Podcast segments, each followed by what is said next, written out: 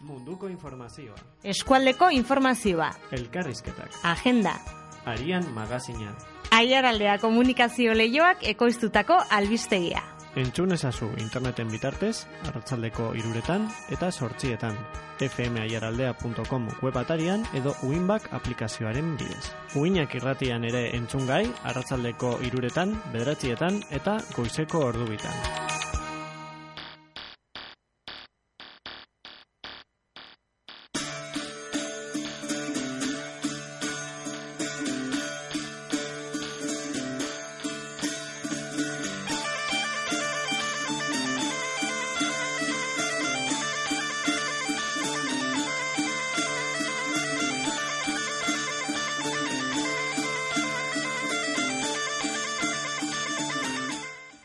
Kaixo, eguerdion, berriro ere arian albistegia zuekin dago, berriro ere ostiral batean hemen gaude, aitor espuru eta aider elortza. Kaixo. Ze moduz? Ondo, tazu?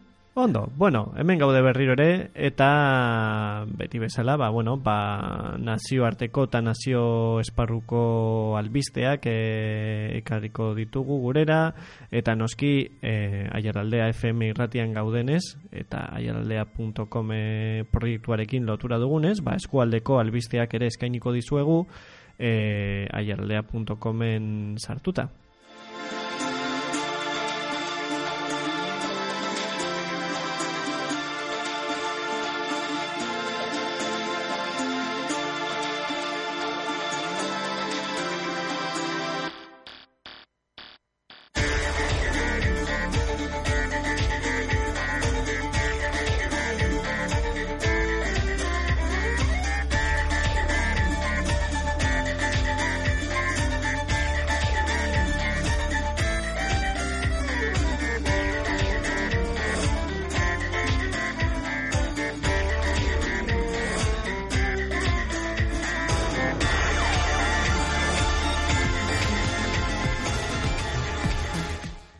Eta, bueno, ba, e, agindu dugun bezala, ba, bere ala sartuko gara berria.infok jasotzen dituen albistekin.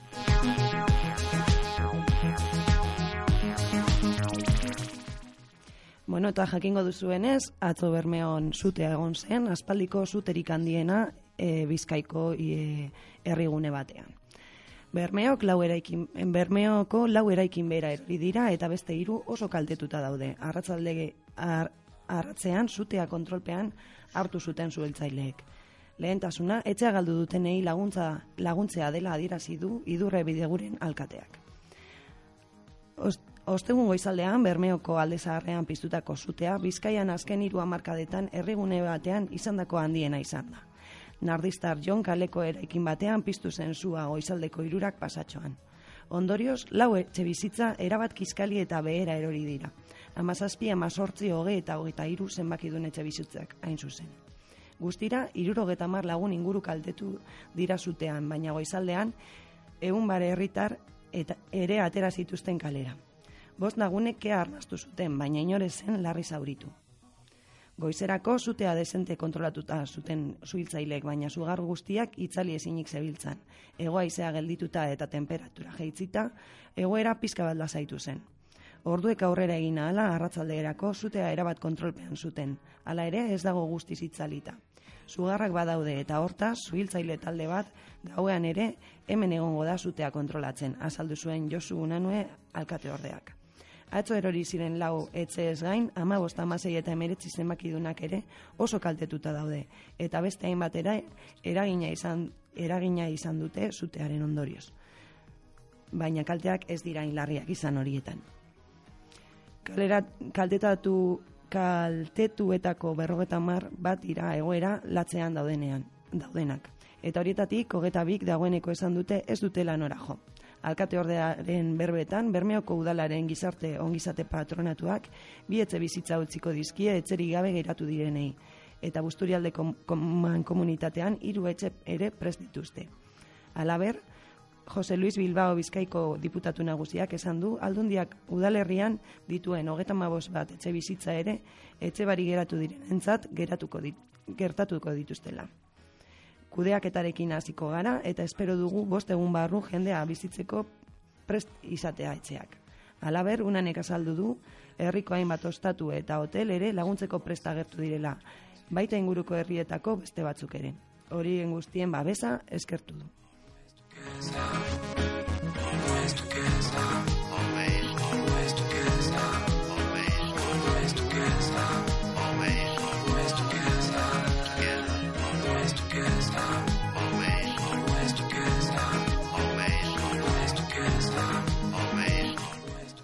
Eta etxe bizitzen edo etxe bizitzek sortzen duten arazoekin jarraituko dugu, baina hau ez e, zute baten ondorioz, baizik eta hipoteken eta banketzeen ondorioz. Etxe bizitza baten enkantea eten du tolosako auzitegiak. Europako batasunak ebatzi zuen Espainiako araudiak eziela herritarrei nahikoa babes ematen hipoteken klausulen e, aurrean eta argudio hori baliatu du auzitegiak enkantea eteteko. Tolosako auzitegiak bertan bera utzi du iragan martxoan egitekoak ziren etxe baten enkantea. Etxe kaleratzen hausian Espainiako araudiak herritarrak babes nahikorik gabe usten dituela ebatzi zuen Europako batasunak iazko azaroan agian gobertuko duzue. Eta argudio hori baliatu du auzitegiak enkantea eteteko. Gaur jakinarazi du erabakia Gipuzkoako stop kaleratzeak plataformak. Martxoaren emeretzian erabaki zuen auzitegiak enkantea bertan bera ustea, iragan hilabete amaieran baitziren egitekoak enkantea. Etxe kaleratzeak egiteko Espainiako araudia eta erabiltzaileen eskubideak babesteko Europako batasuneko zuzentaraua ez direla bateragarriak ebatzi zuten eta hori ze argudiatu du auzitegiak. Auzitegiak azaldu e, du etxegabetze prozeduran egin beharreko enkantea atzera bueltarik gabekoa izango litzatekela eta hori egin aurretik hipotekak abusuzko klausularik ote duen aztertu beharko litzatekela. Stop kaleratzeak plataforma posik azaldu da erabakiarekin eta zuhurtasun eredutzat jodu.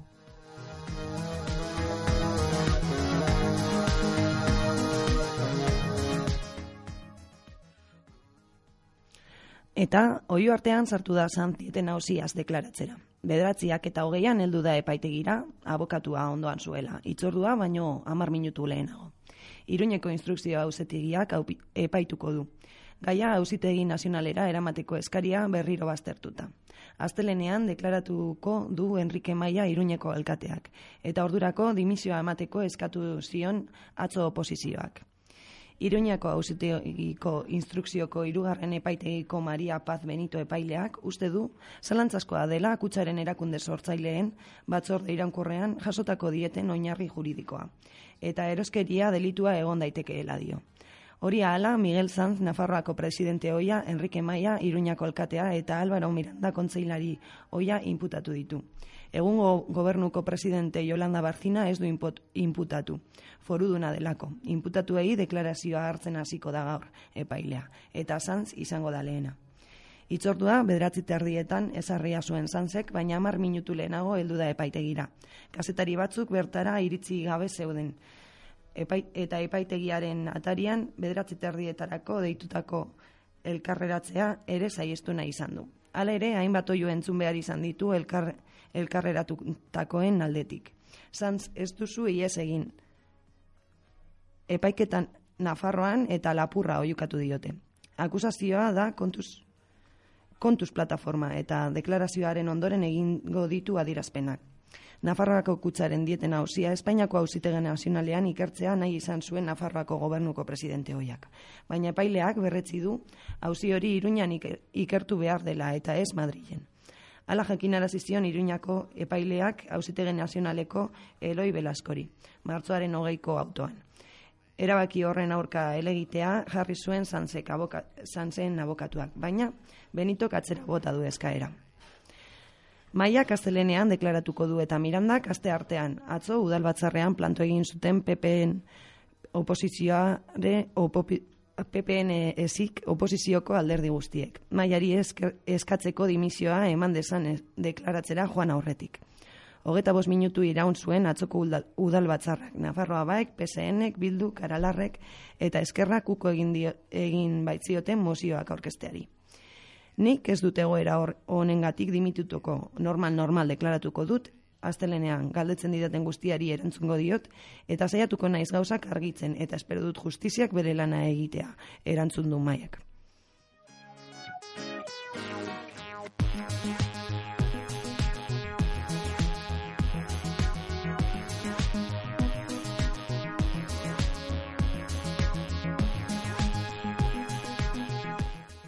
Eta antzeko oiuak entzun zituzten atxo, bueno, bakutsa bankeko asambladan parte hartu zuten e, kideek.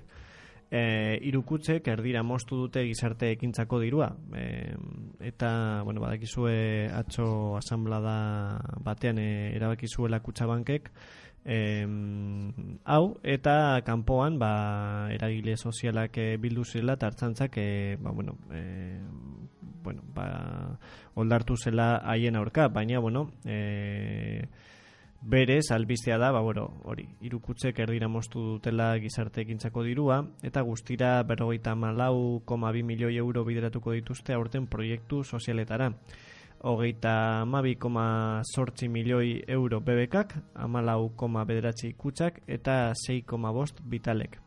Kaleratzen hausian, etxea zorraren e, truke onartzeari uko egin dio Mario Fernandez, hau da, dazionen pago deitzen saionari. Nabarmen diru gutxiago izango dute aurten bebekaren, kutsaren eta bitalen proiektu sozialek. Aurrezki kutsek atzo egin zituzten gizartekintzarako aurrekontuak onartzeko batzar orokorrak. Eta aurre ikusi bezala, euneko berrogoita marreko mosketak onetzi zituzten. Iaz, eun damar milioi euro inguru jarri zituzten, eta aurten berrogeita malau koma bi milioi euro izango dituzte irukutzek e, Gipuzkoan e, izan zen bosketa estuena, hogeita mazortzi ordezkarik egin zuten aurrekontuaren alde eta hogeita mairuk kontra. Aurreko urteko etekinen euneko hogeita mairu inguru bideratu ohi dute kutsek gizarte ekintzara. Hartara, iaz kutsabanken kirabazietan izandako beherakadak eragindu proiektu sozialen aurrekontuak ere murriztea. 2008an, larogeit, koma, larogeita lau, koma, 6 milioi euroren moskina izan zuen bankuak, aurreko urtean baino euneko irurogeita mabost, koma bost gutxiago. Hala, kutsa bankek, hogeita zazpi, koma bederatzi milioi banatu ditu aurten hiru kutzen artean, eta bakoitzak funts propioetatik ateratako baliabidetik gehitu ditu. BBK esaterako bikoiztu egin du zenbatekoa, amabost koma bederatzi milioi eman dizkio kutsabankek, eta guztira hogeita amabi koma sortzi izango ditu. Hala ere, jeitziera nabarmena da, iaz, irurogeita lau koma bederatzi milioi bideratu baitzituzten ekintzara, euneko berrogeita marra gehiago.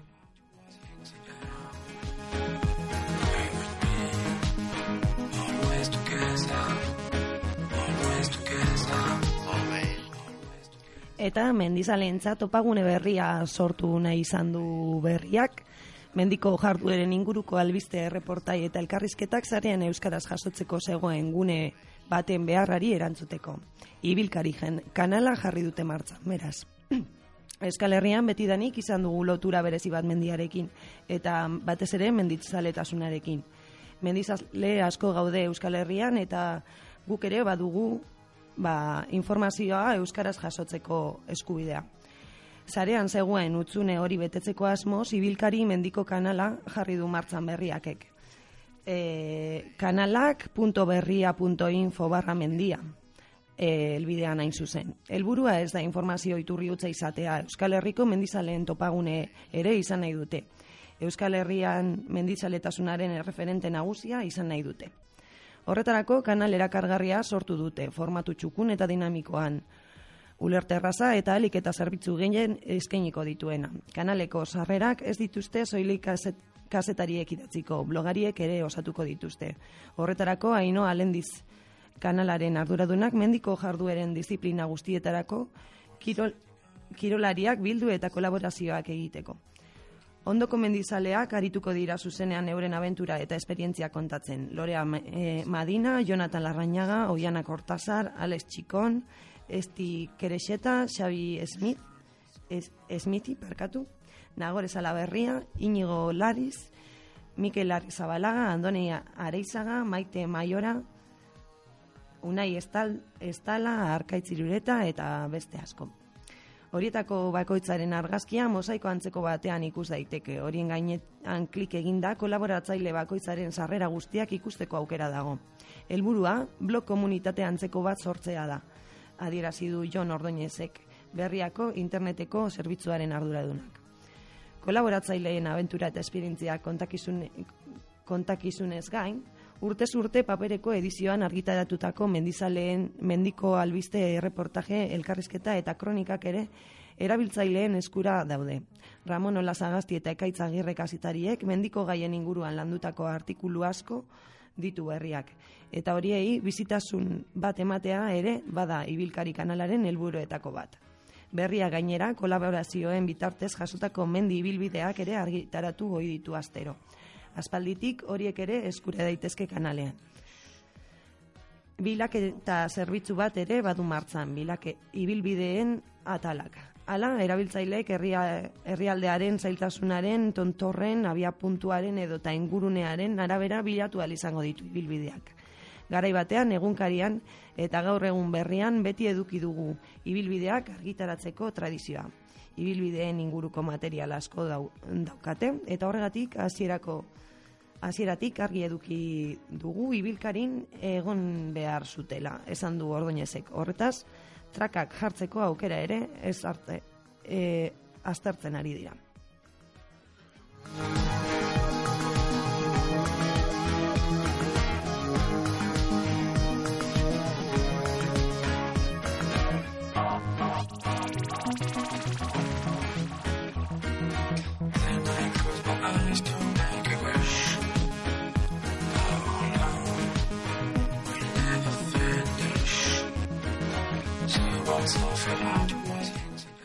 Eta honekin bukatuko dugu berria.infori man diogun e, begirada, baina bueno, bukatu baino lehen, e, Xavier López Peñaren gorpua Euskal Herrira iritsi dela aipatu nahiko genuke, beratxitan iritsi da sondikako aeroportura eta auto hilara bat osatuta eraman dute galdako koer hilerrira. Arratzaldean, zazpiterdian, zazpiterditan, e, arrera egingo diote galdakaun. Xavier López Peñaren gorpua iritsi da Euskal Herrira, duela aste bare bat aste hilzela, martxoaren hogeita marrean hilzen, hain zuzen ere, Parisen preso zegoela, burmuinean izan zuen odol jario baten ondorioz, eta gaur e, horren ondorioz hilzen, eta gaur ekarri dute bere gorpua egazkinez. Sondikako aireportura iritsi da bederatzietan, zenideek paper kontua konpondu eta bederatzi terditan atera dute ilkutza. Galdakokoa zen eta herri horretako hilerrira eramango dute gorpua. Aurrez, aurrezku bat egin diote hilotsari airiportuan eta autoilara batean eraman dute galdaka orantza. Hilerrian gorpuari ikurrina artean harrera egin diote eta ehortzi egin dute. Arratzalderako harrera ekitaldia antolatu dute López Peñaren erkideek zespiterdietan. Eunka pertsona batu dira aireportuan, besteak beste eztera, ezkera bertzaleko tasio erkizia eta laf sindikatuko idazkari nagusi ainoa etzaide. Ilerrian, sortuko presidente Asiera Raiz, alderdi horretako kide Maribi Ugarte buru eta Rufi Etxeberria ere batu dira gorputzaren harrerara. Arkaitz Estibaiez bertsolari eta bizkaiko txapeldunak bertsoak jarri dizkio López Peña zenari eta haren zendiari. Herriak ez du barkatuko eta agur eta ore eusko gudaria oiukatu du harreran bildu den jendetzak besteak beste. Gorpua hilobian sartzean eusko gudariak kantatu dute. López Peña erietzean izan zen martxoaren amaikatik e, hil zen arte, baina zendiak orduko horretan salatu zuen eurei ezietela ezer jakinarazi astebete pasa zen arte. Ebaketa eta guzti egin zioten arren. Zenideek desinformazioa salatu zuten eta esan zuten presoa hilik zegoela ere bizita batean joan zirenean jakin arazi zietela amabi ordu geroago. 2006-2006an Espainiako gobernuaren eta etaren eh, artean izan ziren negoziazioetan parte hartu zuen López Peñak eta 2008ko maiatzean e, atxilotu zuten negoziazio maia apurtu ostean.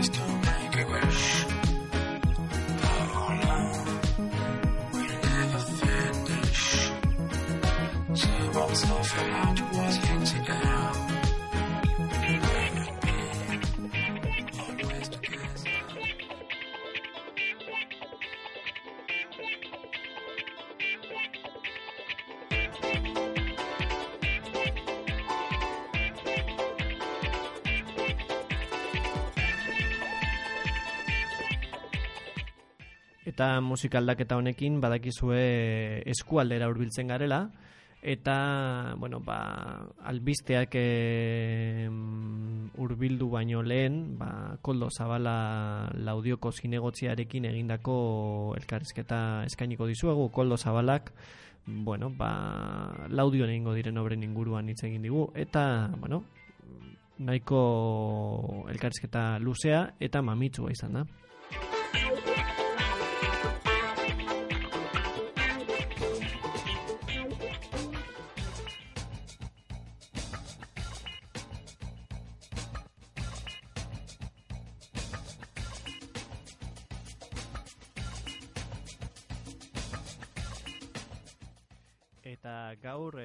Zabalarekin hitz egingo dugu. Koldo Zabalak baditu ardurak e, laudioko udalean eta bueno, ba, ardura hoiek egin bat e, obrekin dute lotura eta horren inguruan hitz egingo dugu berarekin. Kaixo Koldo, ze moduz?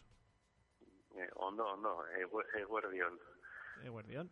E, bueno, ba, gaur bertan eman duzue alako bueno, prentzaurreko bat eta bueno, agerpen horretan azaldu duzue ba, e, aurre kontuak e, onartu eta gero obra nahikotxo egingo dituzuela laudion, ez? Eta adibidez, e, aipatu duzue, bere ala aretan e, hasiko direla obra batzuk, ez? Bai, e, ala da, e, orain dela biru azte, bueno, jakina denez hori onartu ziren biria eta mairuko aurre kontuak, eta horrekin batera, bueno, pues, e, e, auzo guztietan, mo, zenbait obra txiki eta otain e, egingo dira, e, obra haundiren bat ere egingo da, bueno, hori jalotuago dago foru planarekin, eta, bueno, pues, e, ondo diozun moduan, bueno, pues, e, aretan e, emetik egun gutxira, areta, bueno, pues, en zuzen ere, guztu, areta lau zei e, gune horretan, e, bitorikako e, e, zonaldian, hor datozen egunetan, hemendik eh, gutxi gora bera, hemendik eh, aste betera edo segurenik ja, aziko ja, horrak, ba, e, ingurune hori egokitzeko, ez da, hor egin biharko izango da, ba, areta lauzei, e, justu, e, txebizitzaren e, aurre aldea edo, konpondu, e, urbanizatu, eta ingo dena, e, konponketa nagusia izango da, irizgarritasuna ematea etxe horri, ez da gaur egun e, ez daukana. Batek e, espaloi e, zabala ingo da, bi metro ingurukoa, e, egokituko da, prestatuko da hor bus geltoki bat, eta, bueno, pues, e, asiera baten esaten nuena, ez da, e, irizgarritasunari konponbide emango zaio, eta aretatu, aretatik datorkigun espaloiari ere jarraipena emango zaio. Mm Eta, bueno, e, pasaren astean, e, bueno, adierazi zenuten, e, barbara biurgunea ere, bueno, ba, beste zonalde bat zela, ba, nola baiteko konponketak egiteko edo berritzeko, eta hori ere, laizter, e, bueno, horri ere laizter hasieran eman nahi diozu, ez da? Bai, ala da, e, landaluzen, hori landaluze, berrogeita amasei zenbakiaren inguruan, e, barbara izeneko biurgunea, bai hori eh, aspaldiko eskaera da, mm, bertoko bizilagunena, eta hor e, obra honen bitartez egin nahi dena, bada e, segurtasuna, bueno, pues, bai oinezko intzako, eta bai e, girarientzako ere bai ere konpondu, ez da, hor dakigunez, bueno, pues, hor biurgune horretan batetik e, oinezkoek ez daukate nondik joan, errepidetik bertatik joan behar dira, eta e, gidariek ere, bueno, pues, e, hor ez daukate hori biurgunean behin e, sartuta, pues, ez da oso ondo ikusten, ez da, eta orduan ere hori ez da inorentza segura. Obra hemen digutxira ziko da, egun hauetan e, behinbeineko e, proiektuaren behinbeineko onarpen eginda, adostu eginda hor bueno, pues, lur batzuk erosi behar izan dira obra hau egiteko, espaloi hori egiteko, eta hori adostu eginda jabeekin, eta hemen gutxira, bueno, pues, behin eh, prozedura guztiak amaitu izan duen eh, moduan hori behin behineko narpena izan da, gero torriko da hori, bueno, hori argitaratu egin behar da, behin betiko onarpena, eta horren ostean, ja, hasiko dira, e, esle, esleipen tramiteak eta Mhm. obra azteko. Eta ez da hau e, landaluzen egingo den e, obra bakarra, ez da? Badaude ere odi edo alako, bueno, batzuk e, konponduko direnak, ez? Bai, hala da, e, landaluzen amazazpi hogeita e, zazpi e, zenba, e, zenbakien tarte horretan, ez da, hor, bueno, e, ezagunagoa da askorentzat e, amesa ingurukoa edo ere, e, pues bueno, hor az, e, aspaldiko eskaera da e, bai, atera dena auzoa asambladetan edo atera dena e, lehentasunen inkestan bada e, hor etxe hoietara bai sartzeko hor e, soruan bertan dagoen e, bueno, ubidea edo hori konpontzea gaur egun egoera kaskarrian dauelako eta kotxeetarako pues, horra sartzen direnien pues, bueno, pues, e, bada bueno, ostopo, osto, ostopo handia edo, eta, bueno, pues, eh, horrek kalteak baino ez dakartza, eta orduan horria diru partida bate gorde da urteko horrekontuetan, eta, bueno, pues, espero dugu ere hemendik gutxira ja, behin prozedura guztiak amaituta obra ez lehitzeko, pues, bueno, ja, obra astea, eta behin betiko konpontzea, hori, e, hausokiren eskaera hau. Mhm. Eta, bueno, lehena ere aipatu dugu, eta bus geltoki bat ere e, jarri nahi duzue aretan, ez? Bai, hori da, hori da. E, gaur egun ere ez dago, bueno, pues, e, bus autobusa hartu behar duten entzako leku bate itxoiteko are babesean edo aterpean itxoiteko autobusa, eta orduan hemen gutxira ere aurre kontuetan onartu zen bezala, e, horretarako jarriko da aterpe bat edo, bueno, pues, e, markezina bat edenok ezagutzen dugun moduan. Mhm. Eta, bueno, gero e, gaur iragarritako obren artean, bagian deigarria da, e, ba, erdigunetik e, nahiko urrun dauden e, auzotara helduko dela, ez? Badaukagu Arraño, Santa Lucia, Altui, e, landa eremuko bideak, zein izango dira hor egingo dituzuen e, ekintzak edo? Bai, hor badaude zenbait obra, bai, zukaia, ondo aipatu dituzu, dituzun bezala, batetik, e, sumalakarregitik e, e, arraino, arrainora e, joateko hor dugun e, lotura edo e, eskilarak gehiago gaiua, hor ere, bueno, pues, e, utxune badago edo aspaldi, eta utxune hori bada, bueno, pues, euri egunetan eta bueno, pues, eh, hor euria goitik eh, isuri egiten dela beko mailetara, eta orduan, bueno, pues, hor ere konponketa batzuk eh, egingo dira, eskailera hoiek eh, bueno, pues, egoera hobean egoteko, eta bestetik eh, arrain, arraino aldean eh, orko igogaiura sartzeko, pues, eh, zain gauden bitartean, pues, gaur egun ez dago inolako atarperik, eta hor, bueno, pues, zain zaudenean busti egiten zara, eta orduan hor aterpetxoa jarriko da horren e, sarreran. Mhm. Gero bestalde, e, beste batzuk ai, aipatu bezala hori, bueno, pues, e, urredan garria edo e, eramateko gure herriko zenbait e, bueno, landa e, eremuetara edo zenbait gunetara batetik bada aspaldiko ere ermuren ingurukoa Santa Lucia eramateko eta hor e, pues hemendik e, pues hilabete gutxira ere ere obrak egingo dira bertoko ja e, urredan garria eramateko mm, hortik e, mm, tutuak eta sartzeko eta orduan hori da e, egingo den lehenengo fasea. Horren ostian, bueno, pues, e, beharrezko makineria ere jarri behar, beharko da, bueno, horre bombak eta urrori igo eraman ali izateko ez da hori batetik.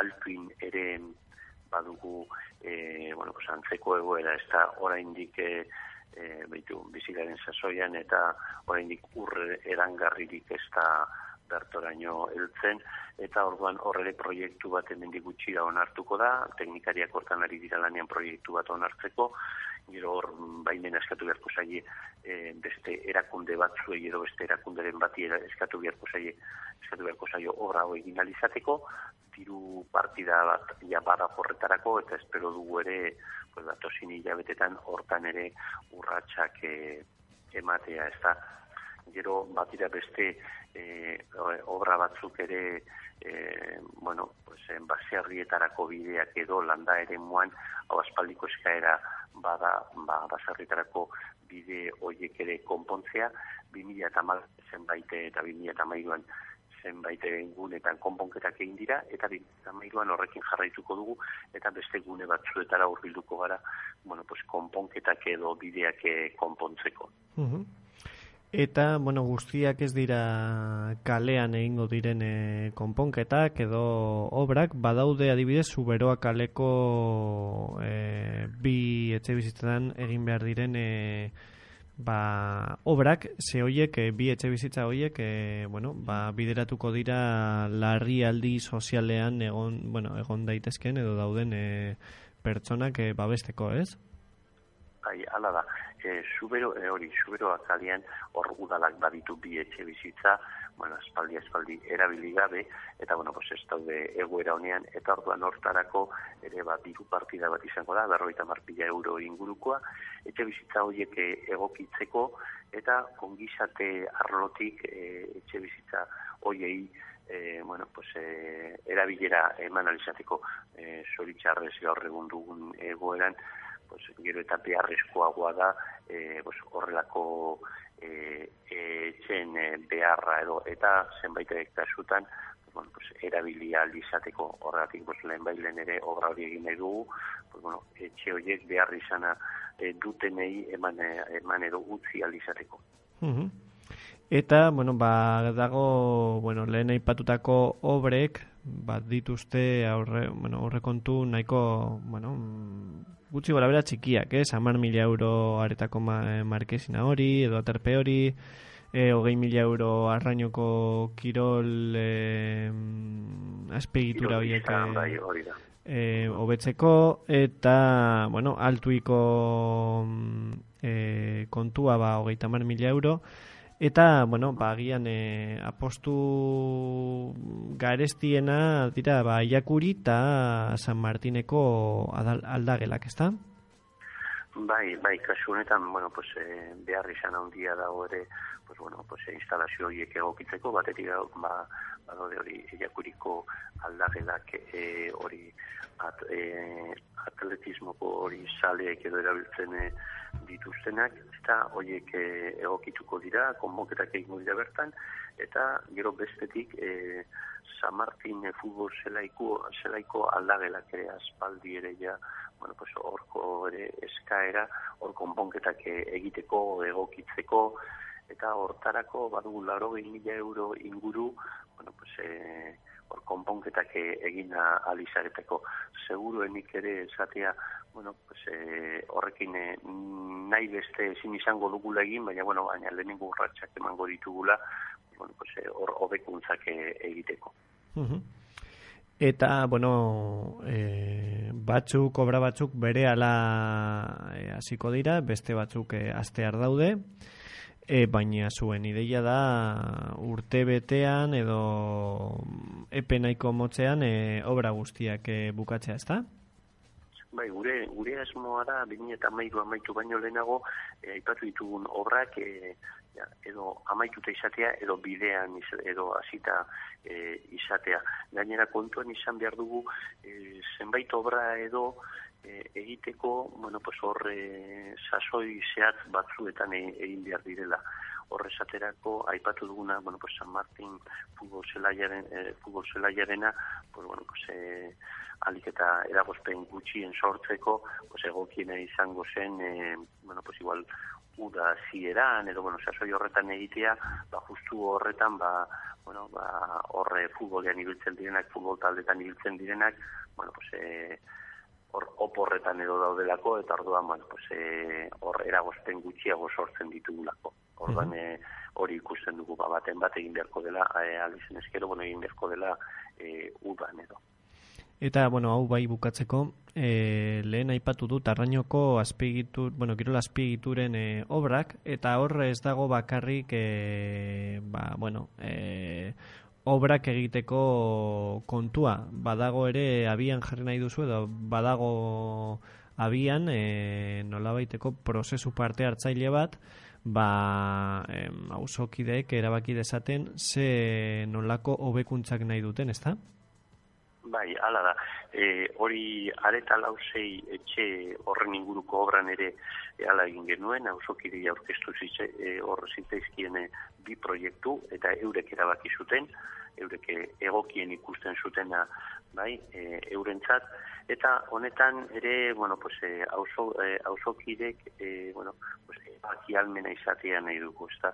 Eta orduan, hor, bueno, badakigu zenbat diru daukagun e, e, horro bekuntzak egiteko, hogei mila euro inguru, baina nahi duguna da, e, hausokidek ere parte hartzea erabakian e, prozesu honetan, eta eurek ere, bueno, pues, e, esatea, zeintzuk diren hor pista horretan lentasunak, ez da, nondik e, e, bueno, jo behar duten e, obra horiek, ez da, orban e, eurekin ere batzartuko gara, eta eurekin e, astartuko ditugu egin beharreko lanak, eta, bueno, pues, e, hortik aterako da, e, bueno, pues, e, egingo den, ez da. Oso, ondo, ba, mil eskerko aldoz, e, nahiko e, epe motzean, edo nahiko denbora gutxian, e, labur bildu diguzu, ba, e, obra guzti hauek. Bueno, pues, eh, eskarrik asko zuei ditzeatik. Vale, ba, ba, eh, beste bat arte, koldo? Vale, urringo arte. Ur? Aur.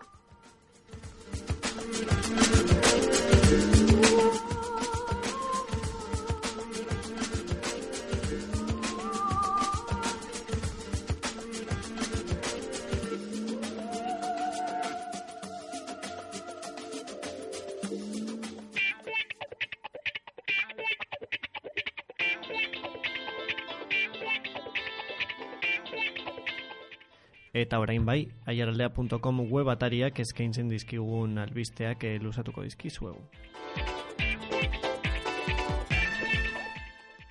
Bueno, eta gaurkoan e, albiste deigarria daukagu, e, antza denez, aretako bidezarian, ia eun kilo jatzi zeraman pertsona bat atzilotu dutelako. Bilboko ertzain etxeko guardiako ikerkuntza kriminaleko unitateko ertzainek droga trafikoa delitua leporatuta hiru lagun atzilotu dituzte. Drogak kargamentu berri bat zetorrela susmopean, zaintza plan bat ezarri zen AP irurogeta sortzi autobideko aretako ordainlekuan. Kontrolean gelitu zuten kotxeak, laro geta mazartzi kilogramo jatxiz zera maleta gian. Gidaria droga trafikoa delituaren salaketapean atxilotu zuten. Operazioa orainik zabali dago. Gidariaren ondotik, drogazare horren arduradun izan litekeen ustezko bi arduradun atxilotu zituzten basaurin eta bilbon. Epaile, epaileak horietako bi espetzeratu egin ditu hirugarrena, epaiketa izan arte behin behineko askatasunean geratu delarik. Atxilotuen etxeetan egindako miaketetan, jasiz kantitate txiki batzuk aurkitu dituzte eta 6.000 eurotik gora eskudirutan. Ikerketak zabali jarraitzen du eta ez da batez baztertzen atxiloketa gehiago izatea.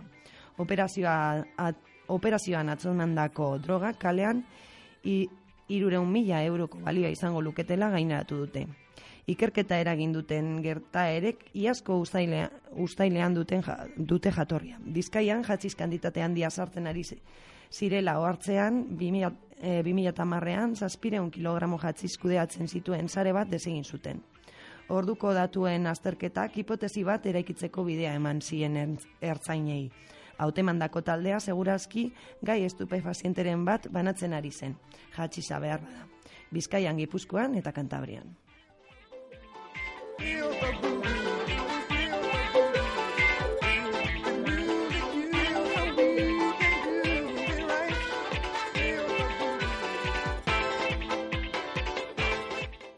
Eta areta lagatu gabe, baina beste gai batzuei lotuta, linmesako nondik norakoak e, landuko ditugu orain, ze linmesa enpresako irurogeita mazazpi langilek erretiro aurreratua aukeratzeko parada izango dute.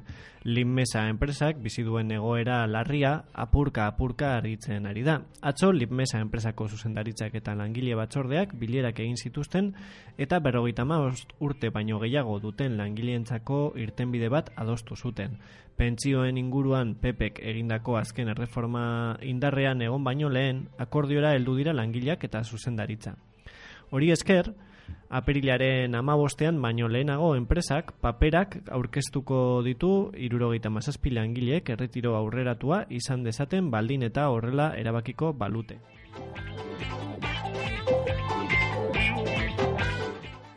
Dena den proposamen ezberdinak egon ziren akordio horretara heldu baino lehen langile eta enpresa ordezkariek bilera ezberdinak egin zituzten. Lehen bileran, zuzendaritzak erretiro aurreratuaren truke baldintza bat ezarri nahi zuen. Sindikatuek e, irurogeita mabost kaleratze sinatzea. Sindikatuek aldiz iragarri dutenez ez dute kaleratzeak sinatzeko asmorik. Geroago egindako bileran ordea akordiora heldu zen zentzu horretan. Bestalde, hauzira jotzea adostu zuten eta laster lan gatazka epailearen esku izango da. Horrek esan nahi du hiru asteko kontsultatzeko garaia irekiko dela. Lantegiaren etorkizuna eta iraupena argi ba, ez badago ere, atzo enpresaren abokatuak iragarri zuen aukera bat egon daitekeela beste proiektu bat abian jartzeko.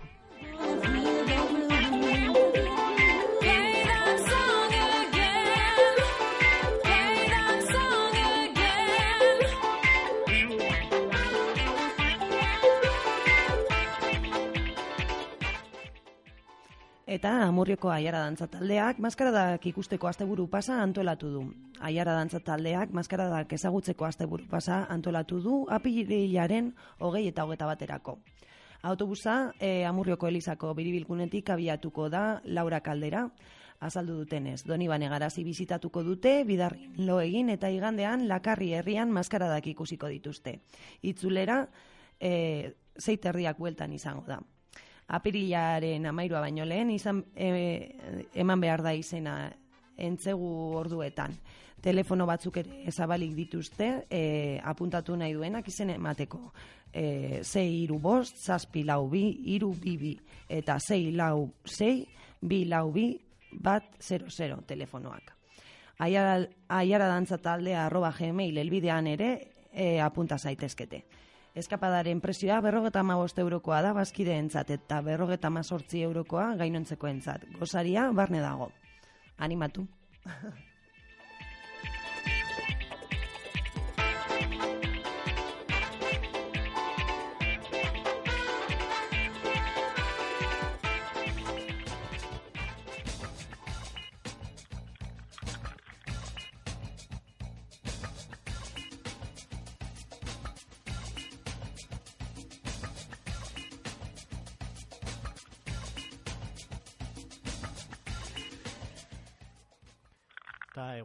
hauetan badago erakusketa bat e, Amurrioko lakasonan eta e, bueno, ba, erakusketa honen e, ardatza bada emakumea ingeniaritza, ingeniari, emakume ingeniaritzak eta emakume aitzindariak eta e, honen inguruan enkarnirekin hitz egingo dugu telefono bestaldean daukagula.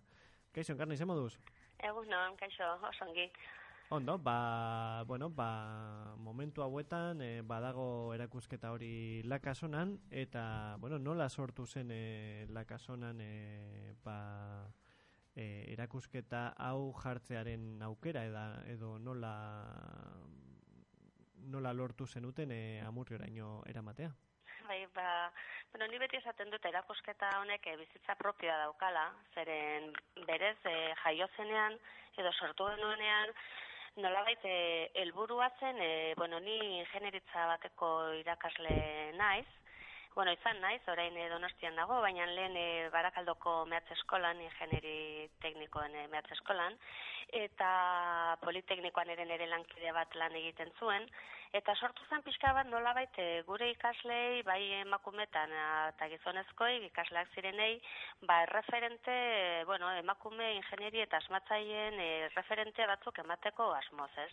Otero antolatzen ditugu, edo, mm, ba, bueno, e, berdintasunarekin lotutako akzio batzuk eta horren e, il, horren barruan sartu zen erakusketarena, ez? Baina nahoz ahoz juntzen zabaltzen eta egia da ba, ba, azkeneko bi urte hauetan ba, Euskal Herriko hainbat herritan eukidugula ikusgai, ez? Eta horien artean, ba, amurrio. Eta zenbat lekutan egonda erakusketa ba, bolada honetan? Ba, egia esan, e, ez ditut zenbatu, eh, baina desentetan egon da, ze egon da bai bizkaiako, bueno, araban kasuntan amorrion bakarrik, baina bizkaian, e, ba, barakaldo inguruan, herri gehienetan egon da, barakaldo portugalete, baita ere gaiartan, donostian hainbat tokitan, urnietan, hernanin ere bai, arrasaten, ba, pixkan memorizari naiz, eh? no, Mhm. akaso bakarren bat aztuko dut, baina hoietan, hoietan bai egon da. Eta, bueno, zein da erakusketa honen edukia, edo zeintzuk dira edukiak eta helburuak eta, bueno, jaki, jendeak jakin behar duena hurbiltzen bada. Bueno, nola ere helburua esan dizudana hori da, ez? E, ingeneritzak eta asmakuntzaren mundua oso mundu maskulinoa izan da, gizonezkoen mundu bat, de hecho, ba, oraindik ere gure karreratan, ba, emakume kopurua, desente bajoagoa da, hainbat, batez ere hainbat espezialitatetan e, gizonezkoena baino, eta helburua ba- batez ere hori zen, ikustea lehendik ere, emakumeak arlo horretan ibiliak direla, ibiliak garela, eta askotan hoien eh, memoria, hoien historia galdua dela hainbat arrazoien gatik, ez? Arrazoi historiko nagusien artean, bat topatzen dugu e, emakumeen e, eskubide falta, adibidez, e, ba, bozkatzeko eskubidea ez zuten bezala, ba, beraien asmakizunak edo lan teknikoak patentatze, patentatzeko eskubiderik ere ez zuten, eta beraz, haien e, memoria, haien autoria, nolabait e, galdu edo e, ez da inerresa topatzen, ez? Hortun, e, arrazoi historiko hiek direla eta, ba, eta bueno, hainbat tokitan ere bai, ba, emakumeak arazo handiak izan dituzte unibertsitatean sartzeko, berriki lortu zen berdintasunaz e, arlo horretan, eta hainbat emakume e, ikasketa teknikoak egin behar izan dituzte izkutuan, nola baita esateko, ez?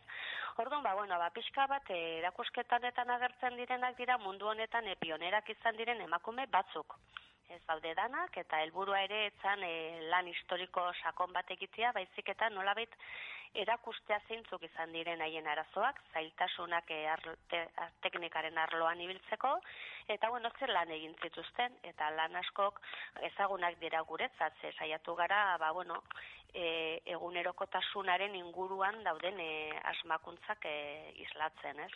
Mhm. Bueno, Eta naiz e, eta lan sakona ez den e, esan duzun, e, pertsona nahiko urbildu, bueno, elkartu zarete proiektu hau horrera eramateko, ezta? Bueno, eh, esan nahi detena da guk ez dugula egin eh, lan historiko sakon bat.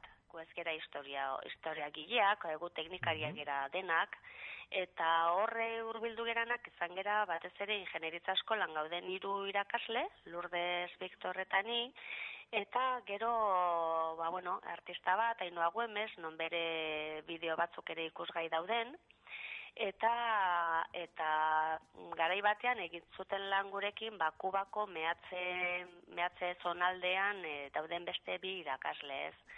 Hau da, ni bueno, mehatze eskolan egon naizenez ba kontaktua nuen ba Kuban zonalde mehatze zonaldean e, zeuden emakume batzurekin eta haiek ere parte hartu zuten nolabait lanaren e, bueno, lanaren gestio horretan, ez? Mhm. Eta, bueno, zein izan da, edo zein izaten da orokorrean jendearen harrera, edo ze, zenolako iritziak heldu, eh, heldu zaizue? Bueno, nik usten dute jendea orokorrean e, gustora ikusten ditula, kartelak sorpresak eramaten dituzte ere bai, bueno, orain kontatzen ari niz gauza gehienak ez, baina jendeak, bueno, orain bertan baia berdintasun formalaren mundu honetan bizi geran ez, ba, raroa iruditzen zaigu, garai bateko emakumeak e, e, unibertsitatean ez egon izana, edo ez, patentat, ez, ez eukitzea patentatzeko e, eskubiderik, eta beraiek, e, bueno, edo bozkatzeko eskubiderik ez, eta orduan, ba, bueno, nola ere e, sorpresa horiek hor ba daude, ez? Gero, askotan, ba, ba, egunero erabiltzen ditugun gauza batzuen e, atzean emakume baten e, sormena egonda eta ez gera horretaz kostiente, ez? Eta orduan esan du, ah, ba, hau honek asmatu zuen, ez horrelako sorpresak ere bai. Gero kartelak nik uste, ba, Victor Dominguezek diseinatu zituen eta politak dira, ez? Oso diseinu erakargarria dute, ez dute testo gehiagirik eta beraz ba, bueno, nolabait pintzelada batzuk emateko ez emakume hoien bizitzari buruz, talanari buruz, eta argun estetikoki ere nahiko e, txukuna gelditu da, polita, ez eta egin genuen ba rekurso eskasekin eta esaten dizut, ez, helburua zela ba gure ikaslei hurbiltzeko eta ez e, olako itinerante bihurtzeko, ez? Baina egia da ba nik uste duela merezi merezi duela erakusketa nola gelditu den, ez? Ondo, eta, bueno, zehazki, eh, ur, bueno, bi aste oraindi falta dira eh, erakusketa kentzeko, ez da? Bai, bai, uste dut amurri honen dela, apirilaren kasi bukara, ez hogeita bost, edo Mhm. hogeita lau, ezakete, azken egun uste dut hogeita lau dela, baina bai badago oraindi denbora hurbiltzeko eta eta ikusteko. Oso, ondo, bueno, ba, gure entzulei luzatuko diegu gonbidapen hau, eta espero dugu jende, jende ugari hurbiltzea. Mil esker, Ba, esker. Zuri, Eskerrik asko zuri. hur. Ale, agur bai.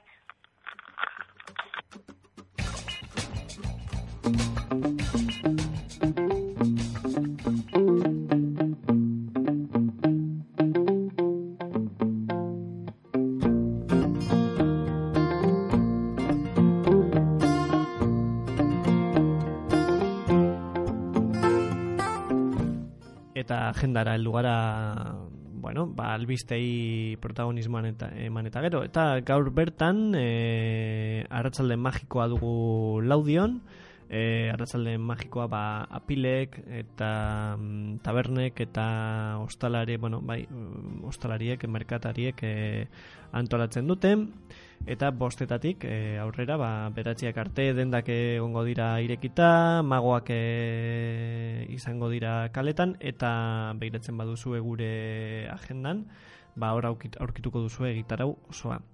Gero laudion gaur ere, fetitzen iketz eta Mexican Food e, joko dute, durungorri aretoan e, amarterritan, iru euro, balioko du kontzertua, metal kontzertua da, iz, uste dut, izango dela e, e, talde gehienek jorratzen duten e, ba, generoa edo. Eta hartzineagan, herriko tabernan, e, jare eta latronera jo- joko dute, uste dut, e, bueno, e, printzipioz badirudi doakoa izango dela, eta jare edo jare, ez baduzu ezagutzen, ba, iribihotzeko kidek e, sortutako taldea da. E, hori bai, modu akustikoan joko dute.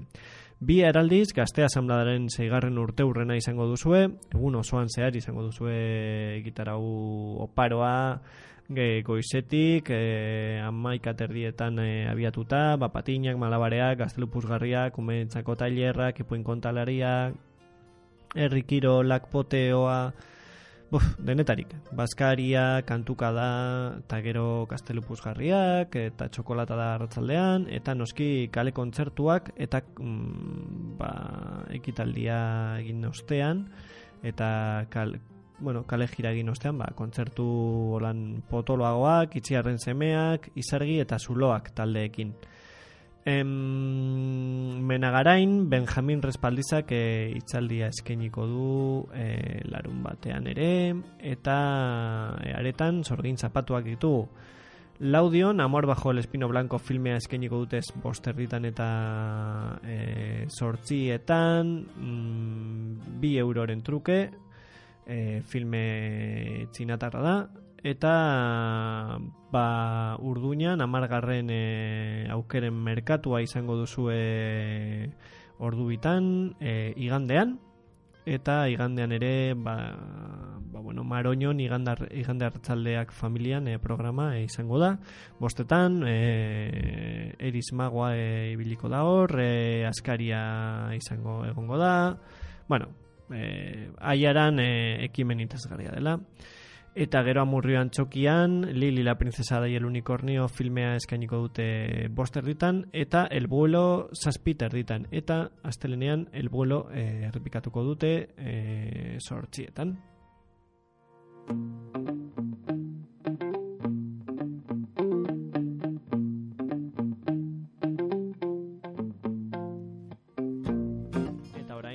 Orain eiderrek eh, aurreratuko digu zein izango den eguraldia, ezta?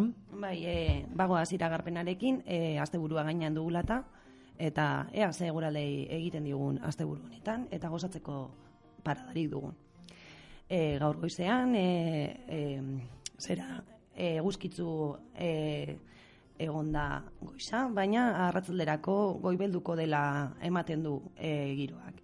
Giroa freskatuko da, baina goiak nahiko garbi mantenduko dira, antza denez. Arratzaldean, aldiz, odeiak ugarituko dira eta zerua estalita agertuko ez denarren baliteke tanta batzuk egitea. Dena den, leku gehienetan ateri utziko dio. Temperatura altuenak ama eta mazortzi gradu artekoak izango dira. Bestalde, larun batean, e, giro eguzkitzoa izango dugu, zerua ur nagusituko da, eta naiz eta goizean goiz odei e, zuriek zerua apur bat kolorestatuko duten, hegoaldeko haize legune ibiliko da eta temperatura desente igoko da. Balio altuenak hogei eta hogeta lau gradu bitartean ibiliko dira. Iganderako, e, Oskar bi eta temperaturak beste maila bat egingo dutela gora, espero da. Uda berri sasoiko eguraldia aparta espero dugu, izan ere, zeruan eguzkia jaun eta jabi izango da. Egoaldeko aizea larun batean, baino arroagoa ibiliko da eta temperatura altuenek hogeta la hogeta zazpi gradu daino igoko dira. Beraz, asteburu eguzkitsua espero dugulakoan gaude eta e, gozatu eguraldionaz eta ondo pasa. Ba bai, honekin e, gomendio hauekin heldu gara arian e, irratzaio honen e, bukaerara, eta bueno, bakarrik bukatu da atalau, eurrengo astean berriro hemen egongo gara, bai guk, bai gure kide gainontzeko kideak, eta bueno, ezaztu alde batetik aialdea.fm ez dela eteten, ez duela eteten e, bere emisioa, asteburuan eta aialdea.comek ere, ba, bueno, ba, albisteak jasoko dituela mm, asteburuan zehar, adibidez, e, badago programatuta biharko e, besteak beste, albiste bat e, preso politikoen inguruko nazioarte egunearen e, e, ba, egitaragua. Eta, bueno, ba, honekin bukatuko dugu, eta, bueno, ba, amaik, amaiera, agian e, zuri dagokizu ez da, Aider? Ze... Ba, bueno, agurtzea. Bueno, ba, hori zen, gure partetik ezer gehiago ez, eskerrak ematea, horregoteagatik eta ba, entzuteagatik, eta ba, zera, e, azte buru ona izan dezazuela espero dizuegu, eta opa dizuegu, eta zera, ba, hori izan dakoa gure partetik, agur, besterik ez.